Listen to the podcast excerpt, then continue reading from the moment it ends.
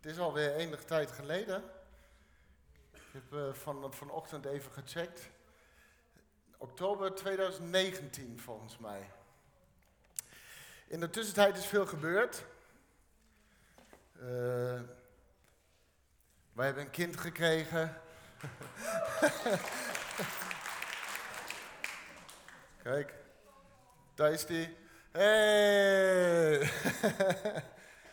Anderhalf. Geweldig. We hebben er even tien jaar over gedaan, maar dan heb je ook al wat. Um,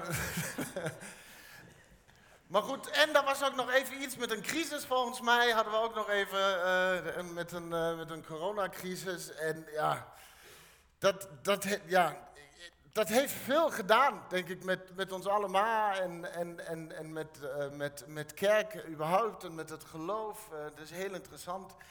Um, en daar zou ik al een half uur over kunnen praten.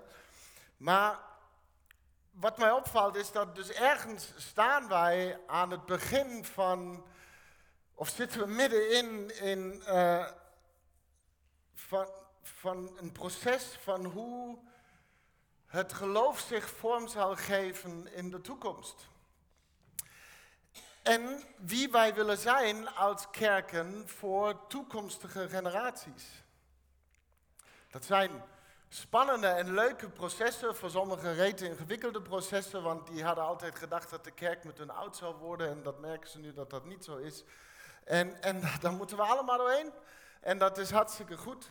En, en ik heb vandaag een boodschap voor jullie die ik al volgens mij twee, drie jaar in, uh, in allerlei kerken waar ik kom uh, meegeef, omdat ik het zo'n belangrijk iets vind voor, voor voor alle kerken, want uh, niemand is uh, uitgesloten. We, we, zitten allemaal in ditzelfde proces. Je zou het een wedergeboorte kunnen noemen. En in, in sommige opzichten beginnen we opnieuw als, als kerk. En, en jullie zitten volgens mij ook in een of ander procesje. En daar hebben we straks een gesprek over, begreep ik. Maar er is dus iets, uh, dat is een woord in mij dat mij in de laatste jaren veel bezighoudt. En ook in mijn gemeente, trouwens moet ik me voorstellen, is dat handig. Ja? Mijn naam is Tens Moon, een voorganger van de kerk van Nazarena Vladingen. En uh, vroeger was ik ook een keer hier. Um, uh, de ouderen onder jullie weten dat, want die waren destijds nog jong. Um, maar er is zo'n zo één woord. En, en constant hoor ik dus God zeggen waar ik ook tegenaan loop tussen mijn bediening en in de verschillende processen en in leven en geloof. En dit ene woord is gewoon opnieuw. Opnieuw. Nog een keer. Opnieuw. En misschien ken je dat, dat, dat sommige dingen eerst niet lukten. Of je had wel iets opgebouwd en dan was het weer weg.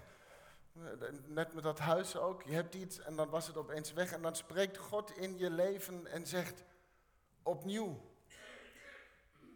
De eerste keer faalde je misschien verschrikkelijk, maar dan was dan God die zei opnieuw. Probeer het nog een keer. En elke keer als ik dan gehoor geef aan deze oproep, infiltreert of infiltreer ik mijn bestaan met een verbazingwekkend geloof? En dat geloof stelt me één cruciale vraag. En die vraag wil ik graag uh, uh, met jullie delen. En dat is een vraag die gaat over of, of het nu verder gaat of niet. En ik wil geen antwoord horen van jullie. Maar die vraag die mij dan elke keer weer wordt gesteld is: geloof je dat onze beste dagen nog voor ons liggen of achter ons?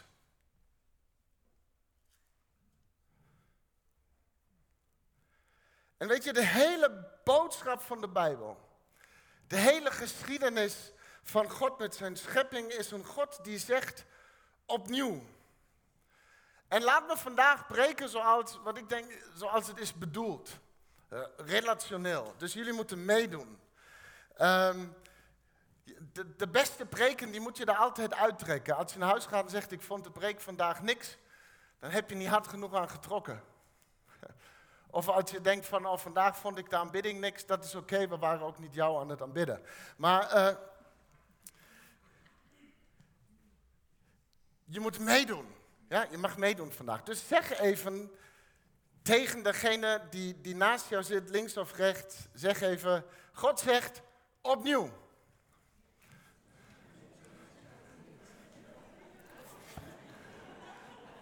Goed. Hou dat even vast. Interactie, hè? Of zijn jullie zo'n kerk die, die ook interactie wil, maar alleen als je het aan de ander vraagt? Uh, nee, Nou, interactie. Dus en hou me even vast, is niet zo ingewikkeld. Constant lezen we ergens in de Bijbel iemand zeggen: De Heer richtte zich tot mij opnieuw. We lezen bijvoorbeeld eh, van Jezaja, van Jeremia, van Ezekiel en van anderen. En allemaal waren ze omgeven van een sfeer van dit kan niet. Maar God zegt, zeg het met mij, opnieuw. Dat gaan we de hele preek nu doen. Vervolgens profeteert een Jezaja en zegt, op die dag heeft de Heer opnieuw zijn hand op om de overlevenden van zijn volk vrij te kopen. Want God zegt, opnieuw, God spreekt weer tot Jezaja, daarom zal ik opnieuw wonderen verrichten voor dit volk. Indrukwekkende wonderen en grootse daden. Want God zegt, geweldig, jullie zijn heel goed. Grappig trouwens, in, in, Jozua 5 uh, geeft God Jozua de opdracht om de Israëlieten opnieuw te besnijden. Ik vraag me dan af, hoe doe je dat? Maar wat we, wat we moeten weten is dat uh, besnijdenis uh, uh, in het, stond voor het oude leven wegsnijden en verder gaan in een nieuw leven. Want God zegt, opnieuw. En we gaan verder in de tijd en dan wandelt God onder ons als mens en zegt dat er een nieuw verbond komt. Want God zegt, opnieuw. Uh, Jezus zei ook, waarachtig, ik verzeker u, alleen wie opnieuw wordt geboren kan het koninkrijk van God zien. Want God zegt, opnieuw niet inslapen, door blijven gaan. En, en die God hing vervolgens aan een kruis en alles leek naar de knoppen, maar dan stond hij op uit de dood. En, en er was opeens nieuw leven voor iedereen, want God zegt, opnieuw. Vervolgens horen we een vernieuwde boodschap, onder andere van Paulus, die zegt, iedereen die in Christus is, is een nieuwe schepping. Want God zegt, opnieuw, en zelfs aan de andere kant van de eeuwigheid ontmoeten we straks een God die zegt, zie, alles maak ik nieuw. Want God zegt, gefeliciteerd, je hebt de hele Bijbel gelezen.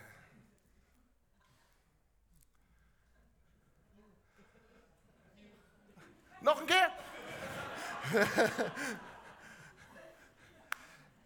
We horen dus een God die constant zegt, opnieuw, opnieuw.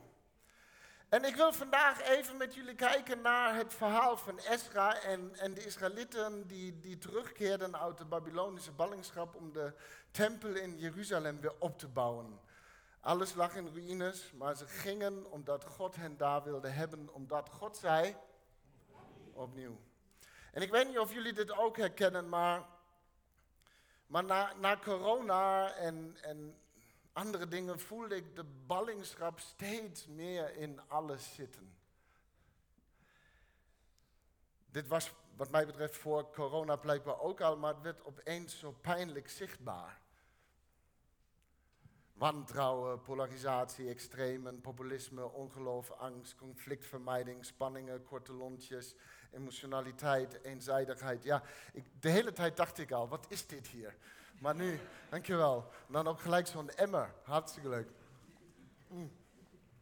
Super. Maar dingen als uh, onverschilligheid, selectieve waarheden, afgoden. Al deze dingen werden extreem zichtbaar als ons Babylonië. En, en nu keren we terug naar iets wat voor sommigen hun gevoel deels in ruïnes ligt. En we vragen ons af, echt opnieuw? Moeten we dit nog een keer, liggen onze beste dagen dan echt nog voor ons? Want hebben jullie vast nog nooit gezegd, vroeger was echt alles beter.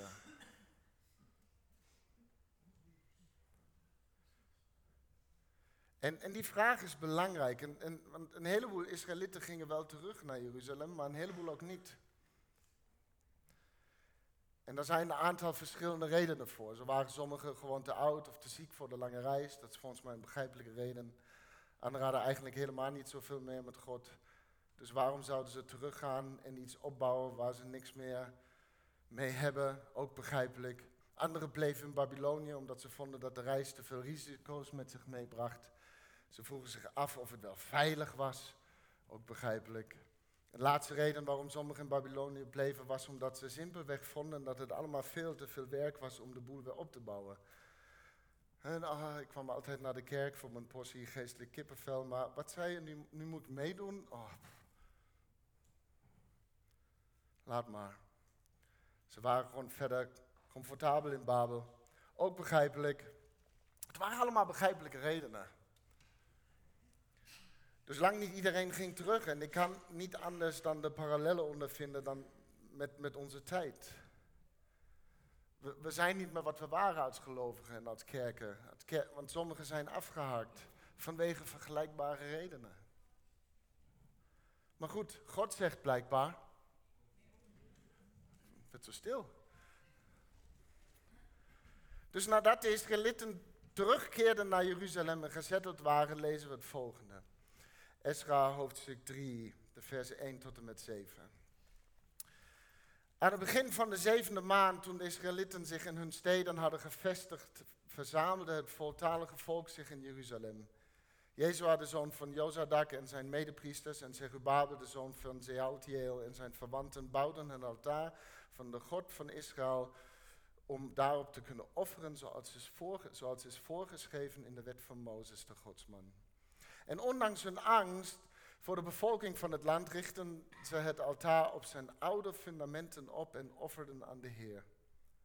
Ze droegen de brandoffers voor de morgen en de avond op en vierden het loofhuttenfeest volgens de voorschriften. Elke dag brachten ze het vereiste aantal brandoffers.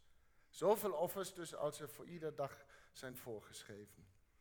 Van toen af aan brachten ze ook het dagelijkse offer, het offer op nieuwe maan en de offers bij alle andere heilige hoogtijdagen van de Heer en verder alle vrijwillige gaven aan de Heer. Al vanaf de eerste dag van de zevende maand droegen ze brandoffers op aan de Heer, ook al waren de fundamenten van het heiligdom van de Heer nog niet gelegd. Dit is een, een verhaal van van twee realiteiten die, die, die naast elkaar bestaan. We zien hier aan de ene kant dus een, een realiteit van, van angst en gevaar en zorg. Het, het volk komt bij elkaar op een, op een plek waar, waar vroeger de tempel stond in, in Jeruzalem. En ze zijn bang voor de volken die hun omgeven en die nu in Judea leefden. En het is dus een realiteit van angst en, en gevaar en, en bedreiging. En, en dat is zeker een, een realiteit die we al kennen en, en nog meer zullen ondervinden als we gehoor geven aan een God die zegt, opnieuw. Ik geloof niet dat het, daar moet je niet bang voor zijn dat het christendom aan het overlijden. Christen zijn of zo is, uh, het christendom is niet een gevaar, dreigt niet uh, te verdwijnen. Wat dreigt te verdwijnen is comfortabel christen zijn.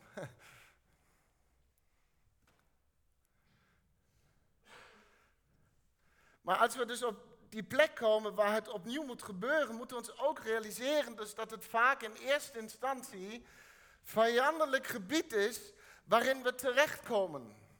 Of het voelt tenminste zo. Snap je dat een beetje? Hè? Als je al heel lang niet meer bent geweest, dan, dan is de kans groot dat het helemaal is overgenomen door de dingen die je eerder weg hebben gedreven. kunnen we het volgen? Ja, maar voorbeeld, als je geloof bijvoorbeeld is weggedreven door angst, dan is teruggaan naar geloof een enorm angstaanjagend iets. Als je vertrouwen is overgenomen door spanningen, dan is het enorm spannend om, om weer te vertrouwen. Als je geloof is weggedreven door gevoel, dan zou teruggaan naar geloof heel gevoelig liggen. Ik kan zo de hele dag doorgaan, maar we snappen wel. Dus onze realiteit is gewoon een complex gebeuren verweven met onze angst en kwetsbaarheid en definities van alles en nog wat. Het was dan ook de realiteit van de Israëlieten daar in Jeruzalem en toch zegt God opnieuw. Maar dan is er dan is daar één van mijn favoriete woorden in de Bijbel. Mm. Nee, dat ook. ik heb meerdere tricks. Um, bijvoorbeeld, een van mijn favoriete woorden in de Bijbel is het woord, en daar hebben de meesten zo'n hekel aan, maar dat is het woord misschien. Misschien. Wat een irritant woord is dat. bijvoorbeeld die man in de brandende oven, we kennen dat verhaal. En die, die gasten zeggen, misschien zal de Heer ons redden. Oh, vervelend. Uh, of die verhalen van klein leger tegen een groot leger. Nou, misschien, zeggen ze, zal de Heer met ons strijden. Of Jonathan helemaal alleen in het kamp van de Filistijnen en zegt, misschien zal de Heer ze aan ons uitleveren. Wat een irritant woord is dat. Maar het is mijn favoriet woord, omdat het de realiteit van het leven met God aangeeft. Op de een of andere manier garandeert het geloof ons geen 100% veiligheid. En daar gaan zoveel mensen stuk op. Maar veel is misschien. Het geloof maakt het blijkbaar zelfs nog erger. Misschien. Maar er is nog een ander favoriet van mij. En, en dat is het woord terwijl. Oh, heerlijk. Terwijl. We kennen het verhaal van die tien uh, uh, gasten die, die ziek waren en die, die laten zich aan Jezus, die brullen naar Jezus, Heer, heb medelijden met ons. En Jezus zegt, ga je maar aan de priesters laten zien. En het mooie is, dan, dan staat er, terwijl ze gingen, werden ze genezen. Het was niet vooraf, het was ook niet nadat ze een jaarvergadering hebben gehouden, een paar commissies hebben belegd, een stemming daarover hebben gehad. Nee, het was terwijl ze gingen, werden ze genezen. Terwijl. We lezen het ook anders. Terwijl dus die gasten het vuur ingingen, merkten ze dat ze dit gaan overleven. Woehoe. Terwijl ze aanvielen, zagen ze dat ze dit gaan winnen. Terwijl. Dan is er nog zo'n favoriet woord voor mij. Dat is tegelijkertijd. Ah, dat is een belangrijk woord. Want het is anders dan, dan dit of, of dat. Dan A of B. Dan links of rechts. Dan aan of uit. Het is ook anders dan maar. Want maar veegt het ene weg en stelt iets anders er tegenover. Tegelijkertijd doet dat niet, want het is tegelijkertijd. Gelijktijdig op hetzelfde moment, in dezelfde tijd, te midden van de ene realiteit, kan dus ook een andere realiteit bestaan. Het is dan ook een verhaal van twee realiteiten. Dus we, we kennen onze complexe realiteiten tegelijkertijd zien we in dit verhaal ook dat naast de realiteit van gevaar en angst de Israëlieten ook omgeven werden door een geestelijke werkelijkheid waarin zij net zo aanwezig waren. Zeg maar tegelijkertijd. Vers 3, we hebben het gelezen. Dus ondanks hun angst, tegelijkertijd. Voor de bevolking van het land richtten ze het altaar op zijn oude fundamenten op en offerden aan de Heer, ondanks hun angst. Tegelijkertijd, ondanks de gevaren en uitdagingen, tegelijkertijd, ondanks de verwarring, ondanks de bedreigingen, tegelijkertijd. Dus terwijl angst en gevaar zo reëel waren, was er ondanks dat ook iets anders dat geheel was voor hen. En dat was een vernieuwd geloof dat ze tijdens hun ballingschap hadden ontdekt en ontwikkeld. En dit vernieuwde en herstelde geloof vormde dus deze andere realiteit, dus deze geestelijke werkelijkheid. Dus verspil nooit een, een goede crisis. En, en daarom bouwden ze een, een, een nieuw altaar. Een nieuw altaar. En Israël bouwde dus een nieuw altaar, want God zei, Opnieuw. Dus ballingschap heeft hun geleerd dat je geen nieuwe toewijding kan tonen met oude vroomheid, met oude regels. Geloven moet je elke dag opnieuw, want God zegt, juist, het geloof is als van ouds, maar het is als van ouds elke dag opnieuw. Dus ze bouwden een nieuw altaar en op dit altaar brachten ze samen allerlei offers. Ze waren vastberaden om, om God te aanbidden. In het Oude Testament betekent het bouwen van een altaar een nieuwe toewijding aan God en een nieuwe ervaring van zijn aanwezigheid. En elke keer weer opnieuw. Een nieuw altaar bouwen, bouwen dat elke keer weer zegt, Heer, hier ben ik. Opnieuw. Dus al vanaf de eerste dag van de zevende maand droegen ze brandoffers op aan de Heer. Ook al waren de fundamenten van het heiligdom van de Heer nog niet gelegd. Dus voordat ze ook maar één steen hadden gelegd voor het fundament van de nieuwe tempel, bouwden ze eerst een altaar. Om te zeggen, Heer, hier zijn we weer. En we zijn van u. En we zullen elke dag hier weer zijn omdat we geloven dat u God bent. Vroeger hadden allemaal afgoden, zoals rijkdom, veiligheid, zekerheid, gemak, gezondheid, een goed gevoel, perfectionisme. Maar nu niet meer, u alleen bent Heer. Want God zegt, opnieuw. En ik hoop dat je dit weet. En dit, dit, is wie wij zijn als Nazareners, lieve mensen. Daarom hebben we dit altaar hier, wat we als het ware elke zondag weer opnieuw bouwen. We zijn mensen die zich altijd weer opnieuw afhankelijk weten van Hem. Van Zijn gemeente, van Zijn genade. Want, want, want deze is nieuw elke morgen. Elke morgen zegt God weer opnieuw.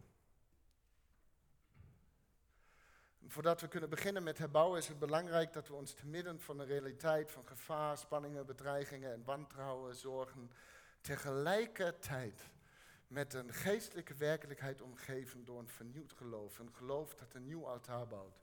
Een geloof dat zich elke dag weer opnieuw toewijdt aan iets groters en mooiers dan jezelf. En met dat geloof kunnen we opnieuw bouwen. Op dat geloof kun je bouwen. En door dit geloof kun je bouwen. Want God zegt opnieuw. Weet je, toen Jezus aan zijn leerlingen vroeg wat mensen geloven, hè, wie hij is, kwamen wat verwarrende antwoorden, maar voor Petrus was het duidelijk. U bent de Messias, de zoon van de levende God. En Jezus zegt, yes Petrus, geweldig. Op dit geloof zal ik mijn kerk bouwen en ik zal je de sleutels van het koninkrijk van de hemel geven. Het is dan ook dit vernieuwde geloof, dus dat je als het ware toegang geeft tot deze geestelijke werkelijkheid en dan, Esra 3 vanaf vers 10 lezen we, terwijl, zo mooi, terwijl de bouwers de fundamenten van het heiligdom van de Heer legden, stelden de priesters gekleed in ambtsgewaad zich op met trompetten en de levieten, de nakomelingen van Asaf, stelden zich op met cymbalen om de Heer te prijzen volgens de aanwijzingen van David, de koning van Israël. Ze dankten en prezen de Heer en ze zongen een beurtzang, Hij is goed, Eeuwig duurt zijn trouw aan Israël. Heel het volk begon daarop luid te juichen en de Heer te prijzen, omdat de fundamenten van de, van de tempel van de Heer werden gelegd. En veel priesters, levieten en familiehoofden, de ouderen die de eerste tempel nog hadden gezien, huilden luid toen voor hun ogen de fundamenten van de tempel werden gelegd. Maar vele anderen juichten en jubelden. Dus juichen en huilen waren niet meer te onderscheiden. Het gejubel was zo sterk dat het tot op grote afstand te horen was. Het begin van de bouw van de tempel was dus één groot feest van aanbidding. En ook hier weer dit beeld dus van twee, van twee realiteiten. Huilen en juichen gaan op in één. En ze prezen God terwijl er nog helemaal niks was. Ken je dat? Nog niks was, maar ze wisten dat een vernieuwd geloof prijst God zelfs voordat het antwoord af is. Voordat het doel is bereikt.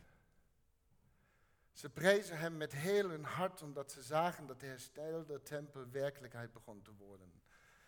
En nu moeten we even een beetje, hopelijk kunnen dit volgen. Voor, voor hen was dit allemaal, hè? het altaar, hun overgave, hun aanbidding, straks de nieuwe tempel. Het was allemaal een symbool van een verbinding tussen deze twee realiteiten. Een, een geestelijke werkelijkheid, dus te, te midden van hun realiteit van spanningen en zorg en gevaar. En, en deze verbinding werd alleen maar sterker. Want Jezus wees vele jaren later naar de tempel en zei, nou breek deze maar af. En ik zal hem herbouwen in drie dagen. Want Jezus zei, opnieuw. En hij deed het. Hij stond op uit de dood en door Jezus in ons, het koninkrijk van God nu in ons, staat de verbinding als een huis. En in een realiteit van onzekerheden en bedreigingen zijn wij dus als het ware de verbinding tussen twee realiteiten, want de sleutel is in ons. Het omgeeft ons niet alleen, maar het neemt ons helemaal in. En, en sinds, sindsdien is de geest continu op zoek naar degenen die niet hebben opgegeven. Want de geest zoekt en roept opnieuw. En elk moment, dit geloof ik echt, elk moment is er de mogelijkheid van een betere toekomst. Elk moment is een God die ons uitdaagt. Opnieuw. Nog een keer. Sommigen hebben zich neergelegd bij vroeger was alles beter en zitten nu in de feutushouding in de hoek weg te kwijnen en proberen een soort van geestelijk suicidaal te bidden. Heer, kom spoedig. Dan is het eindelijk voorbij. Maar we zijn niet geroepen om te vluchten. We zijn ook niet geroepen om het koninkrijk van God te bouwen. Want het koninkrijk van God is al in ons. We zijn geroepen om het koninkrijk van God te onthullen. Opnieuw. God zegt, je kan het. Maar we geloven het blijkbaar niet altijd. We geloven soms liever dat onze beste dagen achter ons liggen. Dat is makkelijker. Vroeger was alles beter. En omdat we het dan niet geloven, doen we niet wat nodig is om een betere toekomst te realiseren. We bedenken en, staan stil bij een vreselijke toekomst en, en leggen ons erbij neer.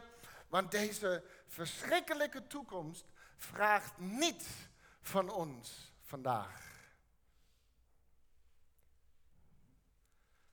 Dus velen hebben opgegeven. Maar God zoekt degenen die niet hebben opgegeven en zich willen overgeven. Die opnieuw willen geloven, die een nieuw altaar bouwen en, en, en bouwen aan een betere toekomst. Want God zegt, opnieuw, die bereid en moedig zijn te leven vanuit deze geestelijke werkelijkheid, te midden van een realiteit van angst en gevaren en spanningen en onzekerheden. En als we dan tegelijkertijd bewegen in deze twee realiteiten, dan kunnen we door het leven gaan, door God, de ander en jezelf lief te hebben, nieuwe schepping zijn, ondanks spanningen en gevaren. Dus opnieuw vernieuwd geloven. En, en de wereld zal nooit meer, nooit meer dezelfde zijn. Want God zegt, opnieuw. En misschien denk je, ik kan dit niet nog een keer. Ken je dat? We zijn overweldigd door de herhaling van de uitdaging. Hier ben ik al eerder geweest. Ik zat al eerder in die dip, in die uitdaging, in die worsteling, in die radeloosheid, in, in die twijfel. Dat we denken, oh wacht even, hier was ik al een keer. Hoe ben ik dan weer hier beland? Wat moet ik dan nu anders doen? Ik, kan het niet. Ik, ik kan dit niet aan. Ik kan het niet opnieuw. Ik kan niet meer. Weer zorg, weer gevaren, weer allerlei spanningen, weer angst. Maar dan zegt God, de Heer zelf gaat voor je uit. Deuteronomium 31. Hij zal je bijstaan en geen moment van je zijde wijken. Wees niet bang en laat je door niets ontmoedigen. God zegt, je, je kan het, je, je kan dit. Want God zegt, opnieuw. En weet je wat, we zijn hier omdat we er nog niet zijn. Maar we komen er wel.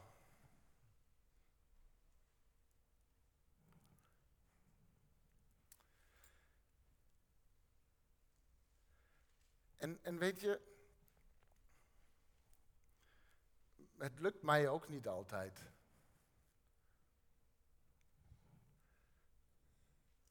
Soms kom ik of kan ik of, of, wil ik niet mee in alles. En is, is, het, is het moeilijk voor mij om onderweg te blijven in leven en geloof.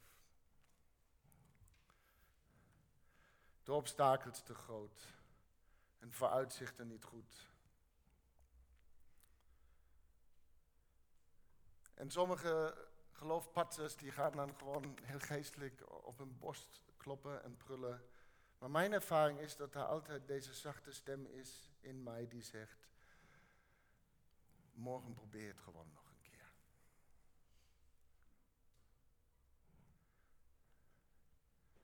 En, en ik heb geleerd deze stem meer te vertrouwen dan, dan andere stemmen.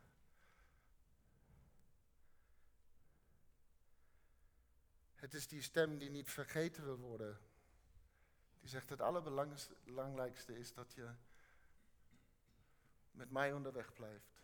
Aan mij blijft denken. Het is die stem die een keer zei, doe dit telkens weer opnieuw. Om mij te gedenken. Mij niet te vergeten. Jezus zegt, opnieuw. Hij is die stem die mij aan herinnert dat ik het niet alleen hoef te doen. Want weet je, had je het alleen gekund, had je het al lang gedaan.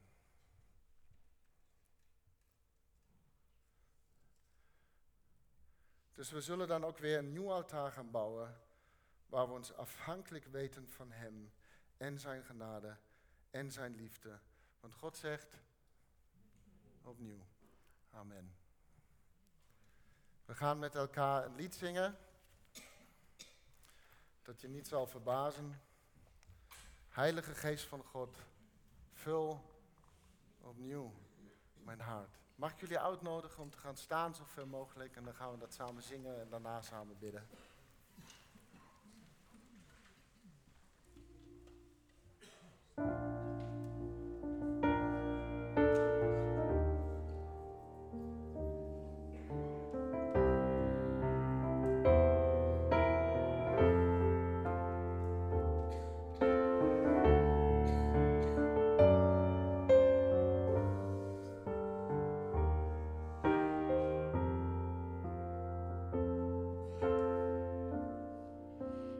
Dat ik best wel stil ben van hetgeen wat er is gezegd. Meer ook omdat het zo'n bemoediging is om juist te weten dat we de God mogen dienen die juist opnieuw tegen je mag zeggen.